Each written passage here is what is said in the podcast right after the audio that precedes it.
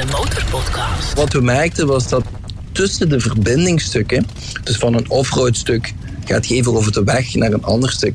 Dat was eigenlijk veel gevaarlijker. Want vooral in die landen, Bosnië, Albanië, de mensen hebben daar rijden heel gevaarlijk. Echt levensgevaarlijk. Iedere hoek, iedere bocht moet je bijna voor je leven vrezen. De Motorpodcast. Passie voor motoren. Met Dennis QC en Peter Kroon.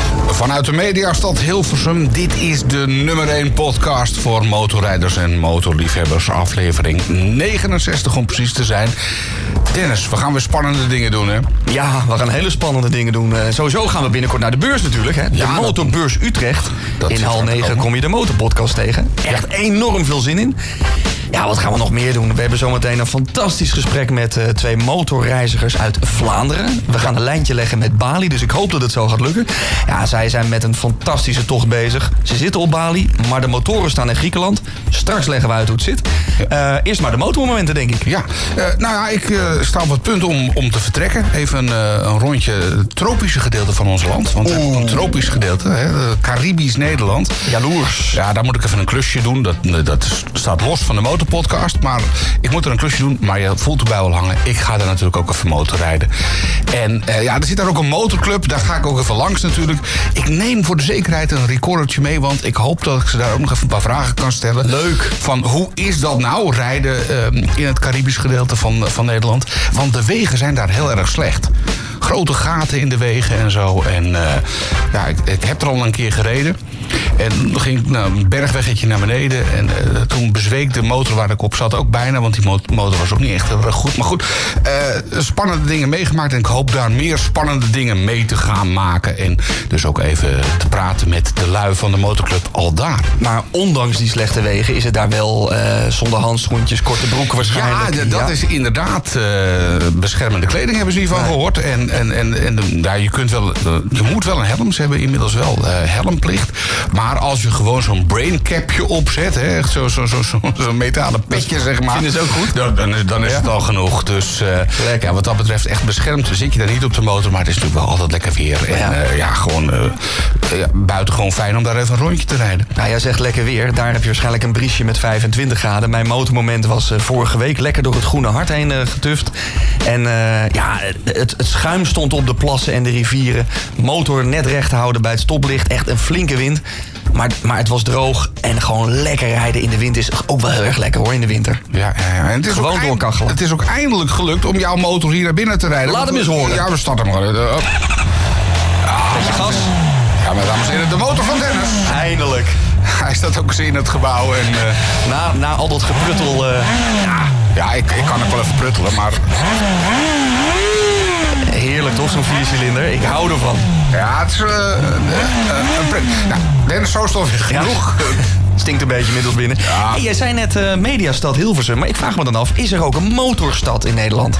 Niet dat ik weet. Nee, Nee. ik ben wel benieuwd. Dus eh, als je nu zit te luisteren en zegt van... ja, er is echt één stad in Nederland... dat is echt de perfecte motorstad. Laat het maar even weten via een DM'tje of een mailtje naar info.demotorpodcast.nl Ja.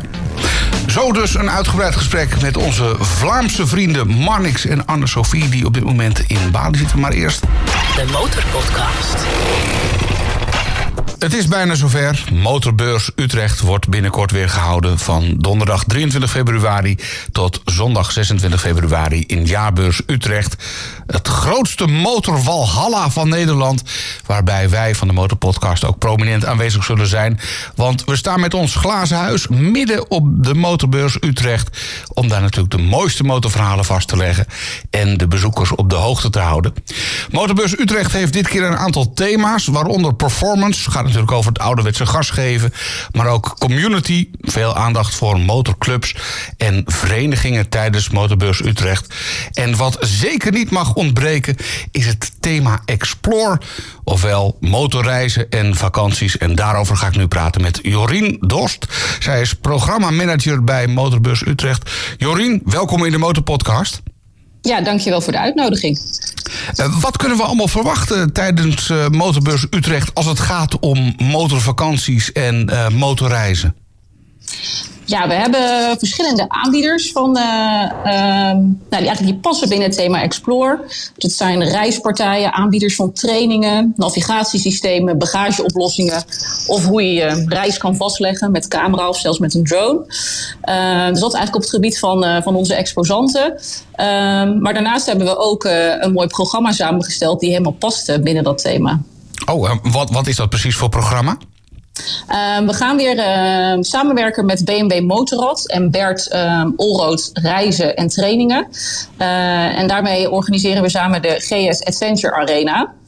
En daar kunnen we eigenlijk, nou ja, voor de verschillende motorrijders hebben we daar een mooi aanbod om hun vaardigheden op de motor te verbeteren. Oké, dus als je van plan bent om een flinke reis te gaan maken, kan het zeker geen kwaad om ook eventjes uh, ja, even proef te rijden als het ware tijdens uh, uh, Motorbeurs Utrecht.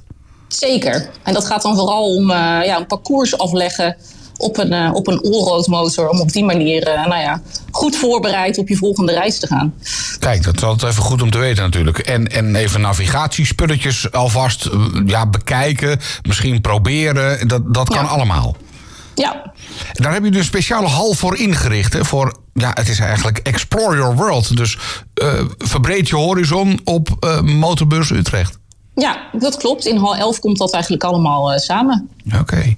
Nou, vooral dat proefrijden, dat lijkt me wel wat. Dan kan ik ook eens even proberen of ik uh, in staat ben om eventueel ooit nog eens een keer aan uh, Parijs-Dakar mee te doen. Ik denk dat dat nog ver weg is, maar ik kan het in ieder geval even proberen tijdens Motorbeurs Utrecht. Zeker. Ja.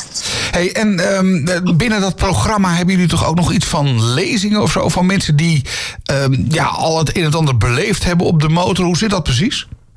Ja, dat klopt. Samen met uh, Mitchell en Nadia van The Great Ride Along. Volgens mij jullie uh, bij de ja, Podcast wel bekend. Die zijn al een paar keer te gast geweest bij ons. Ja.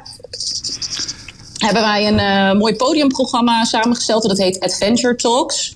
Um, en daar komen eigenlijk heel veel onderwerpen uh, aan bod. om mensen te inspireren. Maar ook eigenlijk voor te bereiden op hun reis. Dus denk aan hoe bereid ik het voor? Welke vaardigheden heb ik nodig? Uh, maar we nodigen eigenlijk ook verschillende motorreizigers uit die een gaaf verhaal te vertellen hebben over nou ja, de bestemmingen waar zij met hun motor geweest zijn. Oké, dus als je inspiratie op wil doen en vooral ook even wil horen uh, de do's en de don'ts, dan moet je zeker eventjes naar Motorbeurs ja, Utrecht. Ja, absoluut. Oké. Okay. En nou zit ik zelf te denken aan ooit nog eens een keer richting Afrika. Ik zei het net al, Parijs-Dakar. Dat is misschien net even ja, te hoog gegrepen. Maar gewoon naar Afrika, of in hoeverre dat gewoon is. Um, is daar ook, uh, hebben jullie daar iets voor of tent? Of... Nou, we hebben um, in, de, in ons podiumprogramma bij Adventure Talks... hebben we Jessica en Maarten van Winding Wheels. En zij hebben met z'n tweeën uh, een reis gemaakt door Afrika. Dus uh, als je daar meer over wil weten... kom vooral uh, naar Adventure Talks toe om daarover te, meer over te horen. Maar zij staan ook zelf met een standje op. Ja, die twee zijn ook al eens te gast geweest in de Motorpodcast. Dus wat dat betreft oude bekenden. Maar valt een hoop aan ze te vragen. En ze hebben inderdaad een hoop bijzondere dingen meegemaakt. Jorien, we moeten het ook nog even hebben over de winacties die jullie organiseren. Ja. Een van de winacties is als je van plan bent om een uh, motor te gaan kopen. Doe dat dan tijdens Motorbeurs Utrecht. Want dan maak je kans om het aankoopbedrag terug te krijgen. Vind ik zelf een hele mooie winactie. Dat, dat gaat toch nog wel door, hè? Ja, zeker. Ah, Oké, okay. nee, ik, laat ik het even verifiëren. ik, bedoel, ik, ik, heb een mooi modelletje op het oog. En dan um, geloof ik dat je dan eventjes uh, op de aankoopbon je telefoonnummer achter moet laten. Of in ieder geval gaat in een soort tombola. En dan op, uh, op, op zondagavond wordt bekendgemaakt wie uh, zijn aankoopbedrag terugkrijgt. Ja, dus wil je een motor kopen, doe dat dan inderdaad zeker op Motorbeurs Utrecht. Ja, en dan is er nog een actie wat we, die we even aan moeten stippen. Dat is uh, als je je rijbewijs nog maar net hebt. Hè, dus uh, gehaald na de laatste motorbeurs in 2020 was dat toch? 2020 ja. de laatste. Ja, klopt. Uh, en deze editie van 2023, dan mag je op donderdag gratis naar binnen. Dat, hoe, zit dat precies? Hoe checken jullie dat? Of laat je je rijbewijs zien bij, bij de entree en dan kun je erin als dat heel recent Ja. gehaald Ja, mensen kunnen voor eh, die dag een ticket kopen eh, en aangeven dat ze in deze periode hun rijbewijs gehaald hebben. Eh, en met die voucher en hun eh, rijbewijs eh, nou ja, krijgen ze toegang tot het event. Oké, nou, goed om te weten. Zullen we even alle details op een rijtje zetten? Motorbeurs Ja. Utrecht, 23 februari tot zondag 26 februari in Jaarbeurs Utrecht. Waar haal je de tickets? www.motorbeursutrecht.nl Kijk, heel eenvoudig. Motorbeursutrecht.nl. Dan komt het helemaal voor elkaar. Jorien, ik denk dat we elkaar zeker zullen treffen eh, op de beurs. Absoluut. Ja. Ik zou bijna zeggen, wat is jouw favoriete reisbestemming? Maar volgens mij zijn dat er een heleboel als je programmamanager bent. Ja, ik zou niet durven kiezen. Jorien Dorst van Motorbeurs Utrecht, dankjewel voor je uitleg. Ja, en jij bedankt voor de uitnodiging. De Motorpodcast. Achter het vizier van... Echte motoravonturiers uit Vlaanderen. En ze hebben er al een heel stuk op zitten op de motor. Ze zijn helemaal door Zuid-Europa gereden. En nu zijn ze inmiddels in de buurt van Bali. En wij proberen digitaal contact met ze te krijgen. Het oproepnummer dat u gevormd hebt is niet in gebruik. Nou, dat klinkt een klein beetje onheilspellend. Nou, dan moet je... Hallo, hallo, hier Hilversum. Hallo, hallo, dit is een test. Oké. Top, we zijn er. Ja, de verbinding doet het dus met Bali. Eh Marnix en Anne-Sophie, welkom in de Motorpodcast. Laten we maar meteen met de deur in huis vallen. Eh, Wel, we hebben ervoor gekozen om allebei dezelfde motor te nemen. We hebben Yamaha XT600E van het jaar eh, 2002. En dat zijn enduro-motoren? Ja, inderdaad. Enduromotoren, dual sport. Zowel makkelijk te rijden op de weg als offroad. We zijn al eigenlijk uitvoerig getest. En ik moet zeggen, het klopt wat er beweerd wordt. Ze rijden eigenlijk heel goed op de weg eh, en offroad. Die motor is eigenlijk een beetje een alleskunner. Jullie zitten nu op Bali, althans in de buurt van Bali, eh, zonder motoren. En Neem ons even mee Ja. in het verhaal tussen Bali en België. Wij zijn eigenlijk alle twee fervente reizigers. En we hebben heel ons leven lang gereisd. Ehm, en ondertussen zijn we al wat ouder geworden. en wouden we toch nog eh, graag een laatste wereldreis doen. De motor is er dan ehm, bijgekomen omdat we dat nog niet op een motor hadden gedaan. En dat vonden we wel eh, een, een leuke ehm, afwisseling, want het is helemaal anders om op de motor te rijden. En uiteindelijk, we hebben eigenlijk heel veel plannen gehad. eh, en uiteindelijk terechtgekomen bij het idee dat we gewoon in België gingen vertrekken. En ehm, naar het zuiden rijden, helemaal tot eh, India. en, maar we, zijn, we hebben nu eigenlijk een, ehm, een soort van eh, tussenstopje gedaan. Wat we op voorhand gezien hebben, is dat we onze reis ehm, helemaal hebben moeten aanpassen. Ongeveer een halfjaartje geleden of zo dachten we dat we de ideale trip gevonden hadden. En dat, dat was dan vertrekken vanuit België, helemaal door Europa, richting eh, India, Bangladesh, Nepal en zo verder omhoog steken naar Mongolië. We wouden er ongeveer een jaar over doen, maar met dat de tijd veranderde, hebben we gezien dat ook voor politieke redenen er allerlei dingen gebeuren in de wereld waar we ons niet aan verwacht hadden. Onder andere omstandigheden in Iran. Dus er zijn opstanden gekomen, dat is wel in het nieuws geweest. Ehm, Afghanistan is moeilijk om door te gaan, maar dat is al langer zo.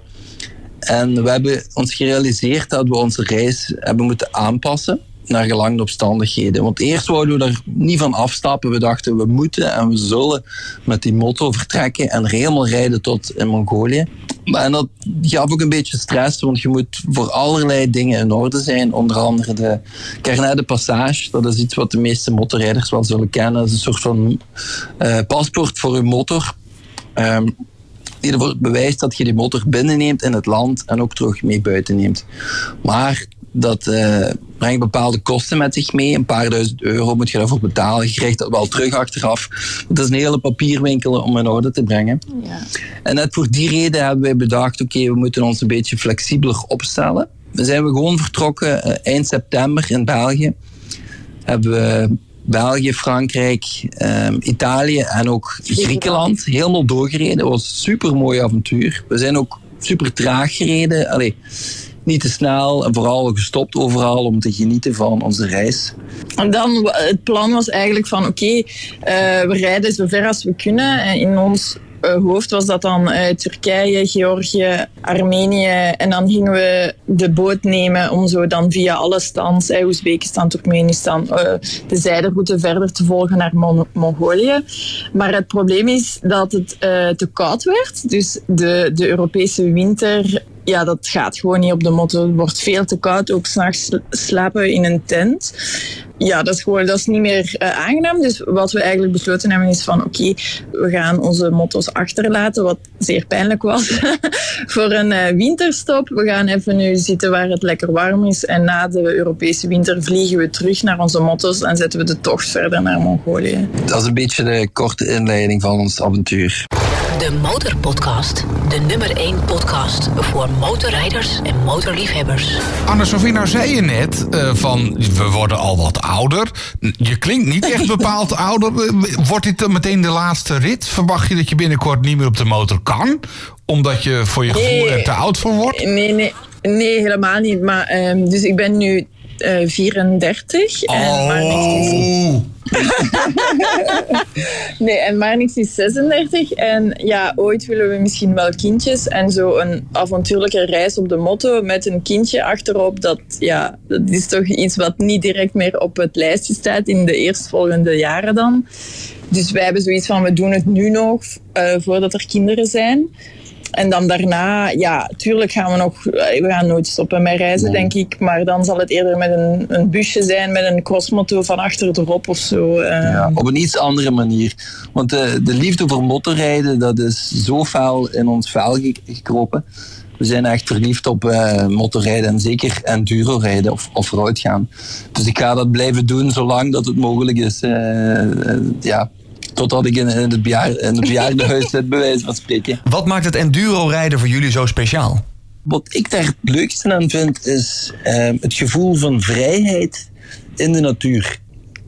En ehm, ook een beetje de technische kant. Je zou het eigenlijk kunnen vergelijken met bijvoorbeeld een, een mountainbike. Wat vindt een mountainbiker leuk eraan, is je gaat technische parcoursjes doen. Het grote verschil met een enduro motorfiets is dat je dan ook heel lange afstanden kunt afleggen, relatief gemakkelijk. Als je met een fiets rond de wereld zou gaan, dat is ook een heel mooie reis. Maar je bent een beetje beperkt in afstand en tijd. En we hebben het heel vaak over gehad, Ja. want wat ook, nu dat ik daar even op inpik, ehm, wat voor ons super leuk was, eh, is de communicatie onderweg. Dus we hebben allebei een, een audio-oortje in, zo'n ehm, een Bluetooth-set. En dat heeft een heel groot verschil gemaakt in eh, het plezier dat we hebben onderweg. Want als je de hele dag op de motto zit, eh, constant praten we met elkaar over van alles en nog wat wat we meemaken. Of ik waarschuw aan Sofie ook, pas op, er ligt een steen op de weg. Ga even langs eh, rechts er langsom. Wat wij gewoon merken is dat met de moto dat we veel gemakkelijker ergens iets kunnen gaan ontdekken. Bijvoorbeeld, we zien een berg en dan zegt maar niks. Oh, gaan we daar even op? Dan gaan we daar kijken en dan, ah ja, is het dan toch maar niks? Ja, dan gaan we weer terug. En ik kan me inbeelden als je bijvoorbeeld met de fiets reist, want zo zijn we heel veel mensen tegengekomen die, ja, ja, als die daar dan naar besluiten van we gaan daar naartoe fietsen en het is maar niks, ja, dan moet je eigenlijk bijna 100 kilometer terug of zo bijvoorbeeld. En eh het is allemaal met de benen wagen, dus het is iets moeilijker denk ik. En dus ben je iets minder vrij in het parcours dat je kunt kiezen. En als je dan zou zeggen van oké, ja, we gaan met een eh, bestelbusje, zo een fijn wat vandaag de dag eh, de mode is, dan, eh dan zijn je weer meer beperkt van parcours. Want bijvoorbeeld, we zijn, we zijn in Bosnië geweest met onze motoren en daar was op een bepaald ogenblik een soort van uitgedroogd meertje. En ja, dat was zalig. We konden daar ja, gewoon rondcrossen, bij wijze van spreken, op onze motoren zonder veel problemen. Af en toe is omgevallen in het zand, maar daar blijft het dan ook bij.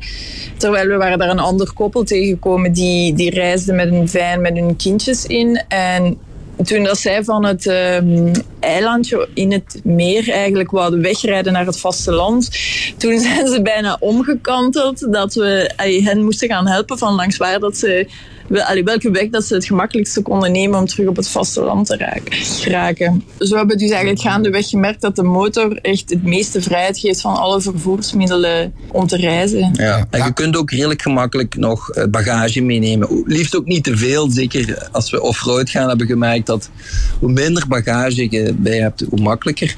Maar het is nog altijd iets eh, eenvoudiger om een tent en kookgerei en allerlei spullen mee te nemen op een motor dan bijvoorbeeld eh, op een fiets. Nou, zei je net al, van het, het is eventjes een, een keertje fout gegaan. Hè? Op het strand even onderuit. Volgens mij eh, ben jij gevallen, Anne-Sophie.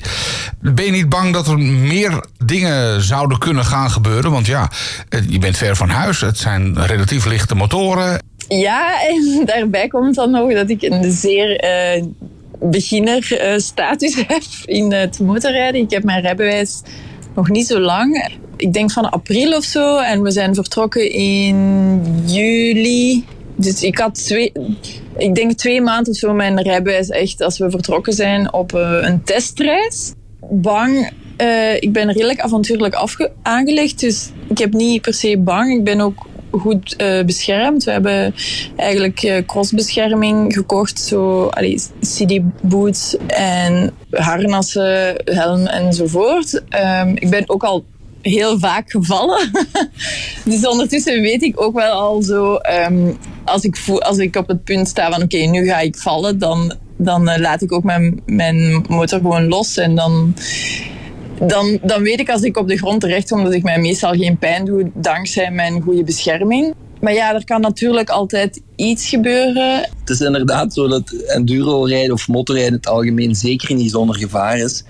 Maar wat we eigenlijk gemerkt hebben, vooral tijdens de Trans-Euro-Trail, hè, dat hebben we gedaan vanuit Slovenië helemaal tot in eh, Griekenland. Dat was 2500 kilometer off-road, de Trans-Euro-Trail. Heel moeilijke parcoursjes, eigenlijk niet echt voor beginners. We hebben daar zware lessen geleerd, maar ook heel veel uitgeleerd dat we niet te veel bagage moesten meenemen. Maar wat we merkten was dat tussen de verbindingsstukken, dus van een offroad stuk gaat je even over de weg naar een ander stuk. Dat was eigenlijk veel gevaarlijker, want vooral in die landen, Bosnië, Albanië, de mensen hebben daar rijden heel gevaarlijk, echt levensgevaarlijk. Iedere hoek, iedere bocht moet je bijna voor je leven vrezen. En we hebben dat, soms was het zo erg dat we gewoon ja, andere offroad weggetjes probeerden te vinden, gewoon om iets of wat veilig te rijden. Als je, de offroad die wij hebben gedaan was soms moeilijk, maar je kunt er altijd wel op een veilige manier doorgaan, zodra het niet te extreem technisch wordt. De Motorpodcast. Ik denk dat het ook wel zo is dat wij heel traag rijden. Wat is traag? Wat staat er dan op de teller? Als we op de gewone weg rijden we ongeveer 90 km per uur. Oh, Zeker, zeker niet sneller. Want de Yamaha XT600, de topsnelheid zal liggen rond de 120, 130. Maar dat is helemaal niet zo aangenaam. Want die, die motor wordt een beetje... Het begint wat te trillen. Een beetje onstabiel. En vangt nogal veel wind. Omdat wij niet echt... ehm, zeg het? eh, eh, windstopper hebben van voor. Dus geen ehm, windbescherming. Dus je vangt gewoon alle lucht op die als je aan het rijden bent. En boven de 90 km per uur is het eigenlijk ook niet meer zo aangenaam. En off-road gaan we ja, afhankelijk van hoe moeilijk het is, 30, 40, 50, 60. Op sommige grindweggetjes inderdaad rijd je 50, 60. Maar wat we het leukste Of vinden soms, is... soms zelfs echt trager. Er zijn Ja. stukken geweest op de TED in, eh, in Bosnië en Albanië dat, ja, dat je kunt maar 20 per uur doen. Of sommige allee, ervaren motorrijders die we tegenkwamen, die zetten gewoon hun, hun motor uit en glijden gewoon bij wijze van spreken naar beneden, omdat het te gevaarlijk was. Eh, dus ja, echt veel vaart kun je dan niet maken. Welke afstand leggen jullie gemiddeld af dan per dag? Want dat gaat niet heel... eh, jullie leggen geen vele kilometers af. Ja, dat is een goede vraag. We hebben dat ook proberen een gemiddeld te berekenen. Maar we hebben gezien, sommige dagen leggen wij eh, 50 kilometer af. Maar de maximale afstand die we hebben afgelegd, denk ik, dat was een hele dag rijden dan, is ongeveer 300 kilometer. En ik denk dat dat ligt aan gewoon de motoren. Als je met een Tenere 700 of met ergens een BMW GS gaat je veel hoger uitkomen. Omdat het comfort ligt gewoon eh, anders. Waarom hebben jullie dan niet gekozen voor, voor inderdaad een eh, BMW GS of een grote Tenere? Of... Dat is, dat is een hele goede vraag en ik heb er ook een goed antwoord op. Ehm, wat misschien zal ik even terugnemen naar het begin van onze reis. Ehm, ik we zijn begonnen met een Suzuki DR350, dus een oldschool crossmotor. Ik had die gekocht voor op te leren rijden en ik had altijd gedroomd van een crossmotor. Maar die was eigenlijk in een hele goede staat. Er was weinig aan te veranderen. En ik heb veel interesse in het sleutelen aan motoren. En ben ik gaan zoeken op um, tweedehands website naar een goedkope crossmotor. En ben ik uitgekomen bij de Yamaha XT600. En ik heb die kunnen kopen voor een appel en een ei, letterlijk. Het was maar 400 euro. Maar er was wel, eh, de motor was in slechte staat. Hij had geen uh, papieren, uh, ja, de remmen werkten niet en hij startte ook niet. Maar ik heb die toch gekocht gewoon als oefenprojectje. En dat is eigenlijk een van de beste dingen die ik ooit heb gedaan, want ik heb er ontzettend veel uit geleerd. Die motor volledig uit elkaar gehaald tot het laatste schroefje. En gaandeweg ook iemand leren kennen, Sander Staps. Een hele goede vriend van ons ondertussen. Dat was eigenlijk de XT Master, gelijk we hem noemen. Iemand die al meer dan 20 XT's heeft uh, omgebouwd. En uh, ik had hem leren kennen op Facebook. We zijn dan bevriend geworden. En samen met Sander heb ik mijn motor volledig terug in orde gezet. Helemaal gereviseerd eigenlijk. Nieuwe hyperprovering eronder gestoken. Nieuwe lak erop. En na een half jaar uh, sleutelen was die motor in volledige nieuwstaat.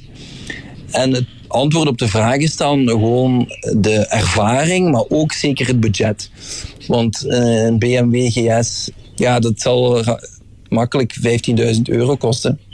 Misschien zelfs meer. En een Tenere 700 kost ook al 10.000. En mijne heb ik dus gekocht voor 400 en een hoop onderdelen erop. Dus laten we zeggen 1000, 1500 euro heeft me dat gekost. Wel veel tijd natuurlijk. Als je weinig tijd hebt, is het misschien makkelijker om een andere motor te kopen.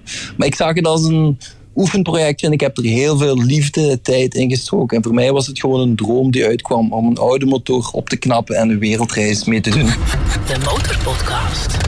Jullie schrijven we reizen heel low budget. Wat kost dan naast de motoren jullie hele reis zo'n beetje? We hebben dat eens proberen te berekenen en dat is moeilijk omdat elk land ook anders is en, en zo. Maar als we een gemiddelde nemen, is het, komen we ongeveer op 750 euro per persoon per maand. Dus de, sommige maanden zal dat 500 euro zijn per persoon en uh, andere maanden is dat dan 1000 euro. En, en alles samen zitten we aan 750. En daar zijn dan eigenlijk drie hoofdkosten in en dat is eten, benzine en, uh, en slapen. Want jullie slapen in een tentje of af en toe toch ook even een lekker luxe hotel? Toen we in Europa nog aan het reizen waren, probeerden we zoveel mogelijk met het in de tent te slapen. Maar het is wel zo dat je natuurlijk voor een wereldreis met verschillende temperaturen. Je hebt niet heel veel kleren mee.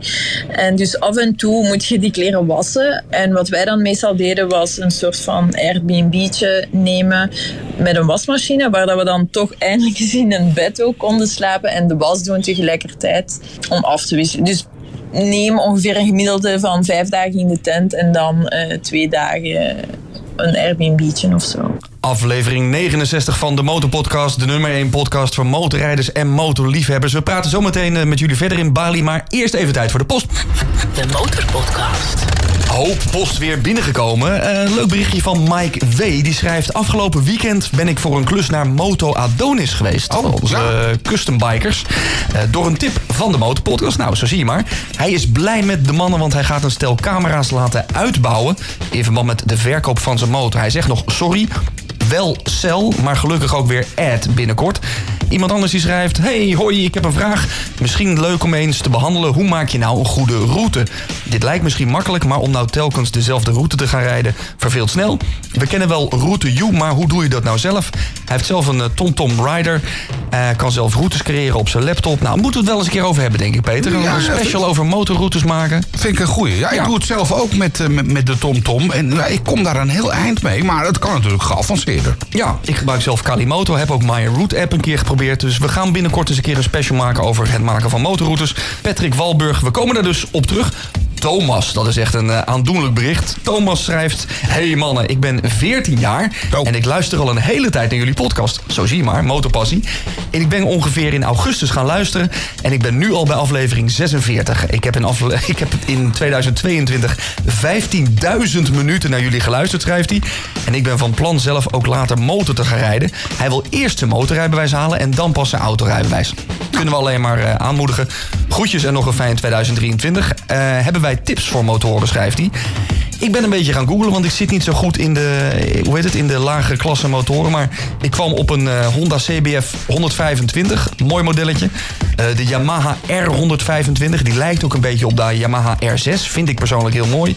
En volgens mij heeft eh, Aprilia ook een hele mooie range met startmotoren. Dus kijk daar eens naar. Je moet met A2 beginnen of A1 zelfs. Hè? Hoe zit het? nou? Ja, ik snap dat nooit. Met, je hebt een getrapt rijbewijs of met A1-code 80 en zo. Maar ja, Ja, nogmaals... Nog Thomas, ik zou zeggen, vraag eventjes aan je, aan je rijinstructeur hoe dat precies zit. Benny Nieuwenhof schrijft nog... hebben jullie al een podcast met Paul van Hoof opgenomen? Ook een wereldreiziger. Ik vind het een fantastisch, eh, fantastisch persoon. Ik heb zijn boeken gelezen. Hij heeft fantastische verhalen. En ik kijk er naar uit. Staat zeker op de lijst, Benny. Paul, die hopen we in, eh, in 2023 te gaan spreken. Christian, te gast bij ons in aflevering 15... die was toen met een motorreis door Zuid-Amerika bezig. Die heeft ons gemaild. Ik ben weer op motorreis, ditmaal van Mexico naar Panama... samen met mijn vriendin. Allebei op een bescheiden eigen bike. Welke bike schrijft hij dan weer even niet. Ze bleven genoeg. Hij heeft een aardbeving gehad tijdens het motorrijden onder andere... En kijkt uit naar andere afleveringen van de Motorpodcast. Misschien moeten we Christian weer eens vragen. Even een linkje meeleggen. Dat Ja. kan. Eh, digitaal kunnen we ook met hem contact maken. Heb je zijn aflevering nog niet gehoord? Dat is aflevering 15. En over reizen gesproken, we hebben contact gezocht met Itchy Boots. Ja, want heel veel mensen vragen... wanneer komt Itchy Boots nou een keer in de motorpodcast? Nou, die is net klaar met de reis eh, van Zuid naar Noord-Amerika. Een fantastische reis. Eh, Google maar eens Itchy Boots. Eh Norley die eh, beantwoordt onze mail. Die schrijft... Hey Dennis, bedankt voor je mail. Ik moet je wel teleurstellen, want het lukt me echt niet om interviews en podcasts te geven... Na, eh, het runnen, naast het runnen van mijn YouTube-kanaal en alles wat ik daarvoor al doe. Ik heb er gewoon simpelweg geen tijd voor. Ze zou het wel leuk vinden, maar ze kan er geen tijd voor vrijmaken. Sorry, maar wel veel succes met de podcast. Groetjes, Norley. Heel jammer, maar ook wij genieten van je reisvlogs. Of vlogs, het zijn eigenlijk speelfilms. Dus we houden, je, we houden gewoon contact. En dan nog nieuwe vrienden van de show. Dank aan 123 Yvonne C, Geran Kroes, Corwin Maurits, Patrick44, Danny Fischer en Jan Draaier. Thanks voor het zijn van vriend van de Motorpodcast. De Motorpodcast. Snel terug naar onze motoravonturiers op Bali, Anne-Sophie en Marnix. Marnix, jij hebt jouw motor eigenlijk helemaal zelf in elkaar gezet. Je weet precies wel waar elk boutje en moertje zit. Eh, Ja, dat maakt de reis toch eigenlijk wel een soort van veilig. Als je precies weet hoe je motor in elkaar zit en als er dan wat gebeurt... dan weet je ook hoe je het probleem op moet lossen. Eh, dat is half waar. Ik ken ondertussen heel veel van de motor, maar ik ben natuurlijk nog maar eh, een half jaar of een jaar ermee bezig. De echte, het genie achter de motorkennis is onze goede vriend Sander Staps. En we hebben daar ook nog een leuk verhaal over. We waren in Slovenië de TED aan het doen en we waren echt al een half uur of een uur aan het sukkelen. We waren ergens fout gereden en we, eh, Marnix was omgevallen met zijn motor. En er was veel te steil om uit stilstand op die berg te geraken. Dus we raakten daar niet weg, zeker tien keer gevallen. Uiteindelijk eh, rechtsomkeer gemaakt, besloten van oké, we gaan gewoon terugrijden. Eh, maar toen was ik gevallen en mijn motor, ja, er deed gewoon niets meer eigenlijk. Ik zette die aan, er kwam zo'n geluid. En ja, dat was het. Uh, en we hadden, het was heel warm toen, het was juli of zo. We hadden geen water meer en uh, ten einde raad echt. En toen hebben we gebeld, uh, we hadden chance wel nog uh, verbinding, hebben we gebeld naar Sander dus, onze hulplijn. En uh, uitgelegd, ja Sander, kijk mijn motor doet dit. Uh. En dan zei hij, ah ja, uh, zijt je langs de linkerkant gevallen? Ah, dan is het waarschijnlijk die bout. Kijk daar eens, doe dit eens. En dan na vijf minuten was de motor terug up and running. Konden we, konden we verder rijden. Absoluut een goede mobiele helpdesk hebben jullie. Ja, ja inderdaad. Ja. Maar ik moet wel zeggen, natuurlijk een algemene technische kennis en interesse voor sleutelen gaat, gaat ons enorm veel helpen. Want ik denk op de laatste drie, vier maanden het gebeurt meestal om de drie, vier dagen dat er wel ergens iets scheelt. Ehm, een, een platte band of dan is, dan is er iets afgebroken. Onze, onze steun, dus de motorsteun om de, als je parkeert, de motorpoot eigenlijk, die is al bij allebei de motoren afgebroken. Waarschijnlijk omdat die veel gebruikt wordt en ook door het gewicht. We zijn soms zwaar beladen en dan als je een beetje te schuin parkeert. Maar dan de oplossing is dan een, een lokale lasser vinden die toevallig dicht in de buurt ligt en dan eh, voor 5 euro de poot laten lassen en dan kunnen we weer verder. En het, het goede is eigenlijk ook aan het feit dat we, we hebben alle twee dezelfde motor. Dus als, als er iets mankeert aan de ene, kunnen we kijken op de andere motor van ah ja, hoe, zie, hoe zit dat daar? En, en kunnen we dat zoveel mogelijk zelf proberen te maken. Ik denk dat dat op eh, meer geautomatiseerde of nieuwere motors moeilijker is als je ergens hier in de andere kant van de, de wereld iemand moet vinden die u helpt. eh. Dat is ook eigenlijk de reden waarom we zo'n simpele auto enduromotor hebben genomen. Omdat er eenvoudig zelf aan te werken is. En ook, dus ook makkelijker om wisselstukken mee te nemen. Onder andere een spanningsregelaar die al vaak kapot is gegaan bij ons. In het begin waren we een beetje dom geweest om op eBay een andere te bestellen voor 20 euro. En na een maand later was die alweer kapot. We hebben beter gekocht van 70 euro, een echte originele Yamaha spanningsregelaar. En die gaan het veel langer mee normaal gezien. Dus eh, ik hoop dat we goed zitten voor de rest van de reis. De Motorpodcast. Gratis in je favoriete podcast app. Aflevering 69 van de Motorpodcast, de nummer 1 podcast voor motorrijders en motorliefhebbers. Nou, dit zijn wel twee motorliefhebbers. Marnix en Anne-Sophie zijn vanuit België vertrokken. Via Griekenland zitten nu even in Bali, maar gaan uiteindelijk nog helemaal naar eh, Mongolië reizen. Ik ben wel benieuwd, jullie rit tot Griekenland aan toe. Wat is nou het mooiste moment wat jullie tijdens die rit hebben meegemaakt? We waren op een plek waar er eh, goede internetverbinding was. Dus gewoon aan het kijken op de kaart van hoe gaan we naar het volgende dorpje. En ik was aan het gidsen eh, naar Marnix. Oké, hier links en daar rechts. En, en zo zijn we eigenlijk toevallig, zonder het zelf door te hebben, op de hoogste bergpas terechtgekomen van Europa. En dat was de Barospas. Maar dat was dan in ehm, november, denk ik al ondertussen. Dus ja, daar lag dan ineens sneeuw. en het was echt een heel mooi ehm, moment, omdat we dat niet verwacht hadden. We hadden dat niet gepland. Ze komt ineens op die hoogste pas die, met een adembenemend uitzicht. En eh, het begon dan zo wat later te worden. De zon ging bijna ondergaan. En op top van de berg, in de sneeuw, letterlijk, eh, val ik zonder benzine. En eh, ja, dan hebben we moeten in een eh, waterflesje benzine overtappen van, het, van de ene. Want Marnix heeft een iets grotere tank dan ik. En dan konden we gelukkig wel benzine overtappen van zijn motor naar de mijne. En dan zijn we verder gereden naar het dichtstbijzijnde eh gehucht, zoals we zouden zeggen, met maximum, denk ik, tien huisjes. En één restaurant. Ehm, daar hulpeloos gaan eh, aankloppen van eh, jongens, we hebben benzine nodig. Het was ijskoud daar. We zijn daar supergoed opgevangen door de locals die ja, bijna eigenlijk geen, geen Engels spraken, want dat was dan in Griekenland, was moeilijk communiceren. Maar ze hebben ons eten gegeven en chiporo, dat is zo'n sterke Griekse drank, ook benzine dan eh, voorzien. Hebben we daar uiteindelijk in een kerkje geslapen en de avond weggedanst eigenlijk met die Grieken in dat dorpje. Dus dat was echt het mooiste moment, omdat het zo onverwacht, allemaal uit het niets, eh, een prachtig avontuur geweest is. Gered door de locals eigenlijk. Ja. Ja. De Motorpodcast. Passie voor motoren. Over de motoren aan zich, hè, dat zijn relatief lichte motoren waar jullie op rijden. Hoe doen jullie dat met al die spullen? Want het is best wel een, eh, een gedoe, lijkt mij. Hè? Als je dat op een dikke BMW GS doet, met koffers en dat soort dingen, kun je veel meer meenemen. Hoe fixen jullie dat op een 600cc motor? We hebben eh, baga- eh, soft luggage, bagage van Kriga. Daar zijn we eigenlijk heel tevreden van. Dus we hebben eigenlijk alle twee, twee zijtassen en een toptas. Ja, ik moet zeggen, de, ehm, de Kriga-bagage, die dan gekregen via eigenlijk een leuke sponsordeal van ehm, een goede vriend van ons, ondertussen ook eh allroadmoto.be, een offroadzaak in België. We waren bij hem te raad gegaan voor ehm, motorbagage. Heeft ons heel goed geholpen, leuk voorstel gedaan. En we moeten zeggen, we hebben al echt heel veel gereden met de nieuwe bagage. Vaak gevallen eh, door de modder, soms door een klein riviertje. Alles blijft super droog. En het is ook een gemakkelijk systeem om bijvoorbeeld iedere ochtend open te doen, je tent eruit te halen of terug erin te steken. eh, sluiten en weer verder. Je kan gewoon rijden zonder enig probleem.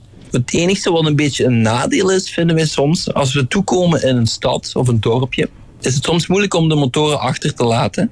Want de zijtassen kunnen we wel dicht doen met een steelcore, met een slotje aan. Maar voor de toptas hebben we eigenlijk niet echt een oplossing. En aangezien we ook wat filmpjes maken en eh, op Instagram en YouTube hebben we ook camera's mee, een drone en onder andere eh, ook een laptop. Natuurlijk allemaal dure spullen die we niet zomaar graag achterlaten.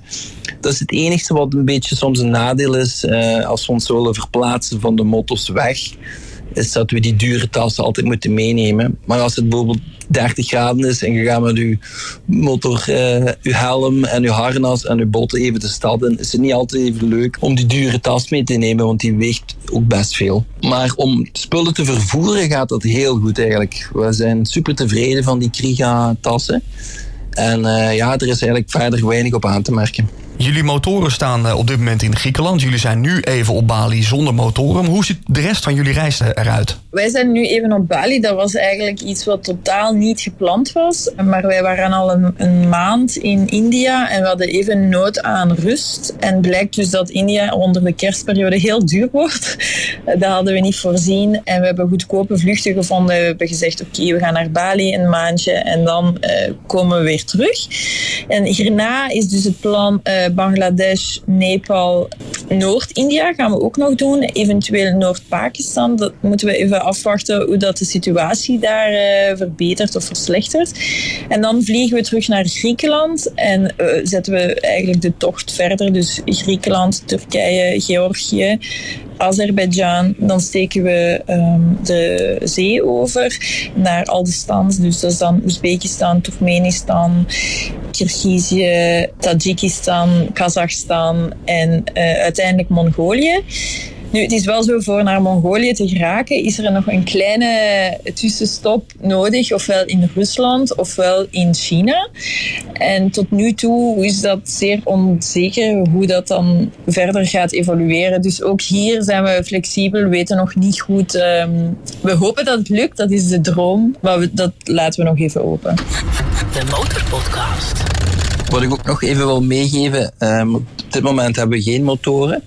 Maar zodra wij terug in Bangladesh zijn, want we vliegen van hieruit op Bangladesh, hopen wij motoren te huren of misschien zelfs te kopen. We moeten nou even kijken of we de juiste uitrusting vinden, gelijk een helm, misschien nieuwe motorboots en eh, een warme jas en zo.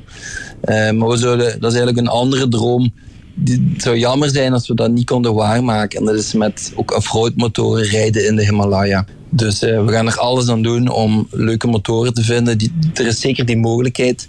Daar zijn we nu dus mee bezig om dat uit te zoeken wat onze opties zijn. Nou hadden we het net al eventjes over, eh, over het geld. Hè? Van wat kost je dat nou ongeveer iedere maand? Nou, je zei al, rond de 750 euro zijn we ongeveer kwijt.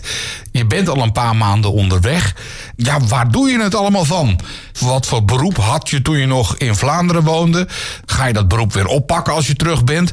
Of blijf je een soort wereldreiziger en maak je af en toe video's tegen betaling? Dat is een goede vraag. Ik was eigenlijk vroeger, de laatste zes jaar heb ik gewerkt in Gent. Bij een, leuke firma Create als audiovisueel technieker. En ik deed, we deden alles van creatieve evenementen, vooral in het buitenland, over heel Europa eigenlijk. Eh, Ik werkte dus als technieker. Eh, audio, video, computers en alles wat ermee te maken heeft eh, op events. Maar dan komt er op een gegeven moment een moment dat je tegen je baas zegt van ik ga er vandoor. Dan, dan, dan heb je toch wel even eh, of spaargeld nodig. Hoe heb je dat allemaal aangepakt? Want dat is namelijk de- de reden waarom ik hier nog zit in Hilversum als audiotechniker. en niet op de motor eh, helemaal aan de andere kant van de wereld. Want ik moet gewoon mijn centen verdienen. Ja, inderdaad. Ehm, ik zou kunnen bedenken dat ik ongeveer vijf of zes jaar heb gespaard. Niet onmiddellijk voor met, de, allee, met deze reis als doel, maar gewoon hè, sparen gelijk iedere mens probeert te doen. Ik heb ook een paar medische studies gedaan. Dat is een soort proefkonijn eh, zijn in ziekenhuizen over België. In Nederland bestaat het trouwens ook. En dan betalen ze eigenlijk een hele mooie som geld voor twee weekjes proefkonijn te zijn. Dat heeft ook zeker geholpen aan de spaarpot. En over het algemeen ook proberen zuinig te leven. Ik deed co-housing in Gent.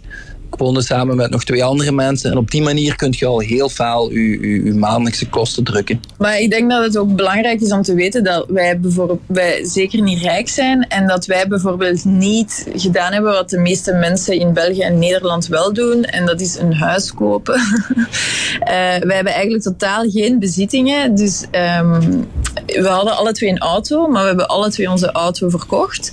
Uh, we hadden geen huis, dus wij huurden nog. En dus we hebben eigenlijk alles wat we hadden verkocht, inclusief waardevolle spullen. En dat heeft het potje ook wel wat aangedikt om nu uh, verder te reizen. Maar wel spannend allemaal om dit soort dingen te doen. Ik bedoel, dat is best wel een, het is best een stap, lijkt mij. Ik denk, we zijn alle twee, we hebben alle twee al heel veel gereisd in ons leven. En ik denk op het moment dat we elkaar zijn tegengekomen, dat we snapten van de andere, oké, ja, die gaat ook heel zijn leven willen reizen. En ja, dat is niet voor iedereen, maar wij vinden dat de mooiste ervaring die er is. Uh, om je te verrijken met andere culturen en, en verhalen en, en geuren en kleuren. En ik vind dat belangrijker dan een groot huis ergens hebben met een zwembad en een chique auto of zo. Ja. Welke drie tips zouden jullie luisteraars van de Motorpodcast nu willen geven die ook zo'n reis willen ondernemen? Een testtrip doen? Ja, maar wat, ik, wat mij onmiddellijk te binnen schiet is doen, doen, doen. Ik heb jarenlang gedroomd om zo'n reis te maken. En bij heel veel mensen zit dat idee gewoon in hun hoofd. Maar ik kan u zeggen, dat is het mooiste, de mooiste keuze die ik ooit heb gemaakt. Je moet gewoon zorgen dat je een beetje budget hebt. Al is het maar een kleine reis, de motor opladen en vertrekken. Want op zich, als je low-budget reist zoals wij, heb je ook niet heel veel nodig. We, we betalen ook geen huur nu aan, uh, aan een huis of zo, zoals iemand anders wel heeft. Dus als je heel low-budget met tentje reist, dan kom je wel een tijdje toe. Welk ding wat je had meegenomen uit eh, Vlaanderen heb je toch ergens achtergelaten waarvan je dacht, ja, dat hebben we echt niet nodig gehad onderweg? Niks, denk ik. Eigenlijk bijna niks wat het verschil heeft gemaakt, we hebben een testtrip gedaan. Zoals ik al zei, de Trans-Euro Trail vanuit Slovenië naar uh, Griekenland. En op die maand hebben we zoveel geleerd. Uh, vooral dat we eigenlijk zo weinig mogelijk bagage moesten meenemen. Toen hadden we nog grotere kussens mee en een plastieke opblaasmatras. Ondertussen hebben we dat allemaal vervangen voor kleinere kussentjes en ja, een, een lichtere luchtmatras. En we hebben eigenlijk al een mooie selectie gemaakt van spullen die we wilden meenemen of niet meenemen. En eigenlijk is, hebben we nog niks weggegooid. Nee. De Motorpodcast. Jullie zijn een stel, maar wat doet dit met je relatie? Als je altijd um, ja, op elkaars lip zit en altijd met z'n tweeën motorrijdt, ook altijd nog via de Bluetooth in contact bent met elkaar. Hoe hou je dat vol, zou ik bijna zeggen? Eigenlijk gaat het tot nu toe heel goed. We, lachen nog iedere dag en uh, we maken eigenlijk bijna nooit ruzie. Dat was ervoor al zo. We kennen elkaar al twee jaar en we hadden eigenlijk nog nooit veel discussies of uh, ruzie gemaakt. De enigste moment waarop het een beetje uh, allez, kleine woordenwisselingen zijn gekomen was ook op de Trans-Euro Trail. En achteraf hebben we bedacht dat dat gewoon kwam door heel moeilijke omstandigheden om te rijden. Dus over rotsen en uh, gevaarlijk parcours. En tegelijkertijd super warm. Het was toen 36 graden. Weinig uh, water in, uh, in je lichaam, waardoor je, je begint op te jagen aan alles wat rond je is. En ook aan de persoon die bij je is. Maar gelukkig hebben we dan na, na, na een half uurtje beseft van kijk, we zijn gewoon kwaad op elkaar omdat we in zo'n moeilijke omstandigheden zitten. En communicatie is volgens mij de sleutel tot iedere relatie. En zeker als je samen op een motorreis gaat. Want we zitten inderdaad 24 uur op 24 uur samen. Af en toe ga ik natuurlijk wel eens een keer alleen sporten of misschien uh, een klein motorritje maken off-road zonder bagage. Dan ga ik even op verkenning een uurtje in de modder plutteren. Dat moet ook kunnen dan. Maar voorlopig gaat het heel goed. We maken weinig ruzie en uh, het is superleuk. De Motorpodcast. 100.000 euro voor je motorliefde. Wat ga jij ermee doen? Fictief hè, als we jullie 100.000 euro zouden geven voor je motorpassie. Waaraan zouden jullie dat gaan uitgeven? We hebben er is al over nagedacht. En ik denk dat veel me- mensen zouden zeggen: ik wil een nieuwe motor kopen. Maar eigenlijk ben ik heel blij met mijn oude, goedkope Yamaha XC600. En ik denk dat ik het geld voor een gedeelte zou investeren. En de rest zou ik gebruiken gewoon om verder te reizen. Want momenteel ja, zijn we gewoon eh, aan het rijden op de golf van emoties die het met zich meebrengt. Ik vind het superleuk. Ik zou voor geen geld van de wereld deze ervaring willen ruilen. Dus we zijn gewoon aan het genieten van onze reis. En ik zou de 100.000 euro gebruiken om verder te rijden gelijk we bezig zijn. Maar waar zou die reis na Mongolië dan nog naartoe gaan? Afrika bijvoorbeeld. of, eh, of van Noord tot Zuid-Amerika. Dat moeten we nog uitstippelen wat we dan doen. 100.000 euro is fictief. Waar staan jullie over vijf jaar zonder die 100.000 euro? Weet je, op dit moment ehm, genieten we van onze reis, maar we proberen natuurlijk ook te denken aan de toekomst. Want het voordeel van zo'n reis maken is dat je ook heel veel tijd hebt om na te denken. De meeste mensen in Europa of België, Nederland moeten iedere dag gaan werken. En je zit een beetje eh, vast in een soort systeem waarbij je iedere ochtend opstaat, naar je werk gaat, terugkomt. En ik merk dat door vrij te zijn van al die dingen, mijn geest heel creatief kan zijn. En ik veel tijd heb om na te denken wat ik later met mijn leven wil doen. Ik ben er nog niet helemaal uit, maar eh, ik heb ook hobby's die ik ontwikkeld heb tijdens de corona. Probeer ik nu verder uit te bouwen, gelijk webdesign, filmpjes maken. ehm, proberen onze kwaliteiten gewoon eh, op te krikken. En hopelijk vinden we binnen dit en een jaar een, een oplossing om ook eh, geld te verdienen. Misschien online met een website. Of we zijn er nog niet helemaal uit, maar eh, we hebben een paar leuke ideetjes. Maar voorlopig nog even door de Himalaya op de motor als het een beetje mee zit. Nog even via Rusland richting Mongolië en ook nog even door China heen. Als het allemaal mee zit. ja. Dat zijn, dat, dat zijn voorlopig de plannen. Ja, Ja, ja. inderdaad. Ja, en ik moet wel nog even aanstippen dat ehm, we hebben daar voordien heel veel gereisd, maar dit is eigenlijk de eerste grote reis op de motor. En dat vinden we echt zalig, omdat ehm, de grootste kracht daarachter is dat je heel dicht bij de mensen staat. Omdat ehm, je, je maakt heel hard het klimaat mee. Bijvoorbeeld is het koud en regent het, dan zijt je doorweekt. Is het super warm, dan heb je schaduw nodig. En het is heel gemakkelijk eh, om daardoor eh, connecties te leggen met eh, mensen. En vaak zijn dat dan eigenlijk ook andere motoliefhebbers. Bijvoorbeeld als, je heel, als we helemaal doorweekt waren in Frankrijk en we konden echt niet s'nachts nog in een tentje slapen, dan is het gemakkelijker om aan te bellen bij iemand en te zeggen van kijk, we, we zijn een reis aan het doen op de motto. We moeten ons even opwarmen en daardoor hebben we eigenlijk zoveel mensen leren kennen. Wat de, de reiservaring veel unieker maakt dan als je gewoon met de rugzak zou reizen. Een aanrader voor je relatie dus uiteindelijk ook. Ik, Wel- ja, dan moet je, dat is een hele moeilijke voorspelling. Want ik denk als je relatie niet 100% is, dan zou ik niet vertrekken op zo'n reis. Dan Eh, loopt het dus je kunt er veel uit leren, maar moet wel een, ja. We wisten al op voorhand waar, ongeveer waar we aan gingen beginnen, omdat we elkaar goed kenden al. Maar het is zeker nog een, zware beproeving op eh, hoe, je met, hoe je met elkaar omgaat in moeilijke omstandigheden. Het is niet altijd gemakkelijk. Het lijkt vaak zo, hè, door filmpjes op Instagram of YouTube, dat het een droomreis is. Maar in de realiteit komt je ook vaak heel moeilijke omstandigheden tegen. Vaak is dat het weer of eh, zonder benzine vallen in the middle of nowhere. Dan moet je het oplossen. Ehm, er ge- gebeuren van al, allerlei dingen. Ja, ik wou nog even inpikken op dat je daar juist zei van dat we 24-7 op elkaar kijken en dan ook nog eens met audio ehm, in de helmen eh, met elkaar praten heel de dag. Maar ik moet zeggen, dit is echt de beste beslissing die we genomen hebben om eh, in de helmen eh, te kunnen praten. En ik vind het eigenlijk fantastisch omdat we zo kunnen al rijdend eh, genieten van het uitzicht samen. En alsof we continu urenlang aan het bellen zijn. Dus echt, eh, we hebben al vaak gezegd dat dat de beste beslissing is die we genomen hebben om toch in de helmen nog eh, met elkaar te kunnen communiceren. Welk systeem gebruiken jullie? Cardo, ja, ja, dat is het, Cardo. Ah, helemaal goed. En we hebben, er zijn, Freecom. hebben we. ja, er zijn drie systeempjes. Eén het budget, maar die werden ons afgeraad. En dan heb de tweede is de Cardo Freecom voor tot twee personen kunt je dan babbelen.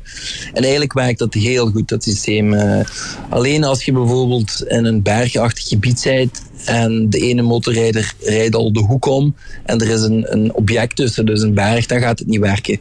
Maar op gewone wegen of in het bos, zodra als je binnen afstand blijft van 100 meter, zou het zeker moet, stabiel moeten werken. Ja, een heel goed systeem. Nog even één ding. Jullie zijn nu op Bali. Nou is het vaak zo als Vlamingen en Nederlanders naar Bali gaan. Daar zitten ze ongeveer 24 uur op het toilet door het hete eten.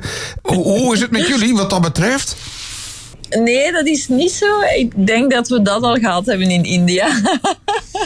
Bij mij valt het mee. In India, daar hadden we meer schrik voor. Omdat daar gekend staat voor als je streetfood eet, eh, dat je onmiddellijk ziek gaat zijn. Maar we hebben dat vaak gedaan, streetfood, bijna iedere dag. En ik ben tot nu toe nog niet echt ziek geweest. Anne-Sophie wel een beetje, maar op zich viel het nog wel mee, denk ik. Uiteindelijk gaat er natuurlijk niks eh, boven motorrijden. Want wij zoeken met de podcast altijd naar uh, passie voor motoren. Nou, volgens mij deze twee mensen, daar zit een partij passie in van heb ik jou daar. Relatief kort rijden, meteen een halve wereldreis doen. Ja, ik, ik, zou zeggen, snel terug jongens, uh, nu naar het strand. Daarna snel terug naar Griekenland de motoren oppakken. En dan heel veilig naar uh, Mongolië. Het leuke is dat uh, alle avonturen van Marnix en Anne-Sophie... die kun je volgen via Instagram. Ze hebben een heel mooi Instagram-account. Lucky to be born. Dus ik zou zeggen, jongens, uh, snel de motoren opzoeken. En hou ons via jullie Instagram-kanaal, maar ook via een DM'tje even op de hoogte van alle veilige kilometers. En natuurlijk de avonturen. Oké. Top, geweldig. geweldig. Wat een fantastisch verhaal hebben. We moeten zeker nog een keer uh, doorpraten met, met Marnix en uh, Arne-Sophie. Als ze op een gegeven moment zelfs in de Himalaya zitten. Dan moet het ook lukken om, uh, om opnieuw contact met ze te maken. Ik hoop dat het hen gaat lukken. Ja, nou ik denk het uiteindelijk wel. Aan het doorzendingsvermogen van die twee ligt het in ieder geval niet. En dat zijn nog maar kerstverse motorrijders. Hè? Dat moeten we ook niet vergeten. Aflevering 69 van de Motorpodcast. Bijna aan het einde. Maar we hebben aan jullie gevraagd. Ja, als jij nou een vraag aan ons hebt welke zou het zijn? Nou, er zijn heel veel vragen binnengekomen. Um, ik pik er een eentje uit. Uh, Tom T5R die vraagt aan ons... wat vinden jullie nou een must-have product voor de motor? Must-have product. Uh, ik denk toch uiteindelijk mijn Tom Tom, Tom. Dat is toch wel een apparaatje dat ik... Uh, ja? ben ik toch wel heel gelukkig mee. Kronkelroutes rijden. Ja, de kronkelroutes. Ja, en dan niet de allerergste kronkelroute. Want als je hem daarop zet, dan kom je in de, in de meest dubieuze woonwijken uit. Maar één standje terug.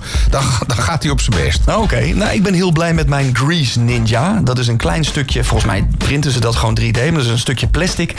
Dat leg je uh, op je ketting. Je sluit een slangetje aan op de spuitbus met je, met je kettingspray. En zo uh, spuit je niet je hele motor onder, maar spuit je echt net precies op de, de schakeltjes ah, ja. van je ketting. Je moet hem ook ehm, kopen op de maat van je ketting. Ja, jij hebt daar natuurlijk geen last van met je, met je belt. Maar voor mij is het ideaal om mijn ketting te smeren. Oké. Okay. De Grease Ninja nou, tot zover deze aflevering. Uh, je komt ons zeker tegen op uh, Motorbeurs Utrecht in hal 9. Dat is binnenkort, hè, uh, 23 tot en met 26 februari. Ja, kom even langs om je motorverhaal te delen met ons. Dat gaat zeker gezellig worden. In ons glazen huis, zat stoelen, ja. zat microfoons. En kom, een, kom even gezellig met ons kletsen. Vinden we leuk. En als je nu zit te luisteren en denkt... ja, die motorbeurs, ik kan er niet bij zijn, maar ik heb wel wat te melden... stuur dan een mailtje naar info motorpodcast.nl. En abonneer je ook, want dan krijg je automatisch een seintje bij de volgende aflevering. De Motorpodcast. Gratis in je favoriete podcast app.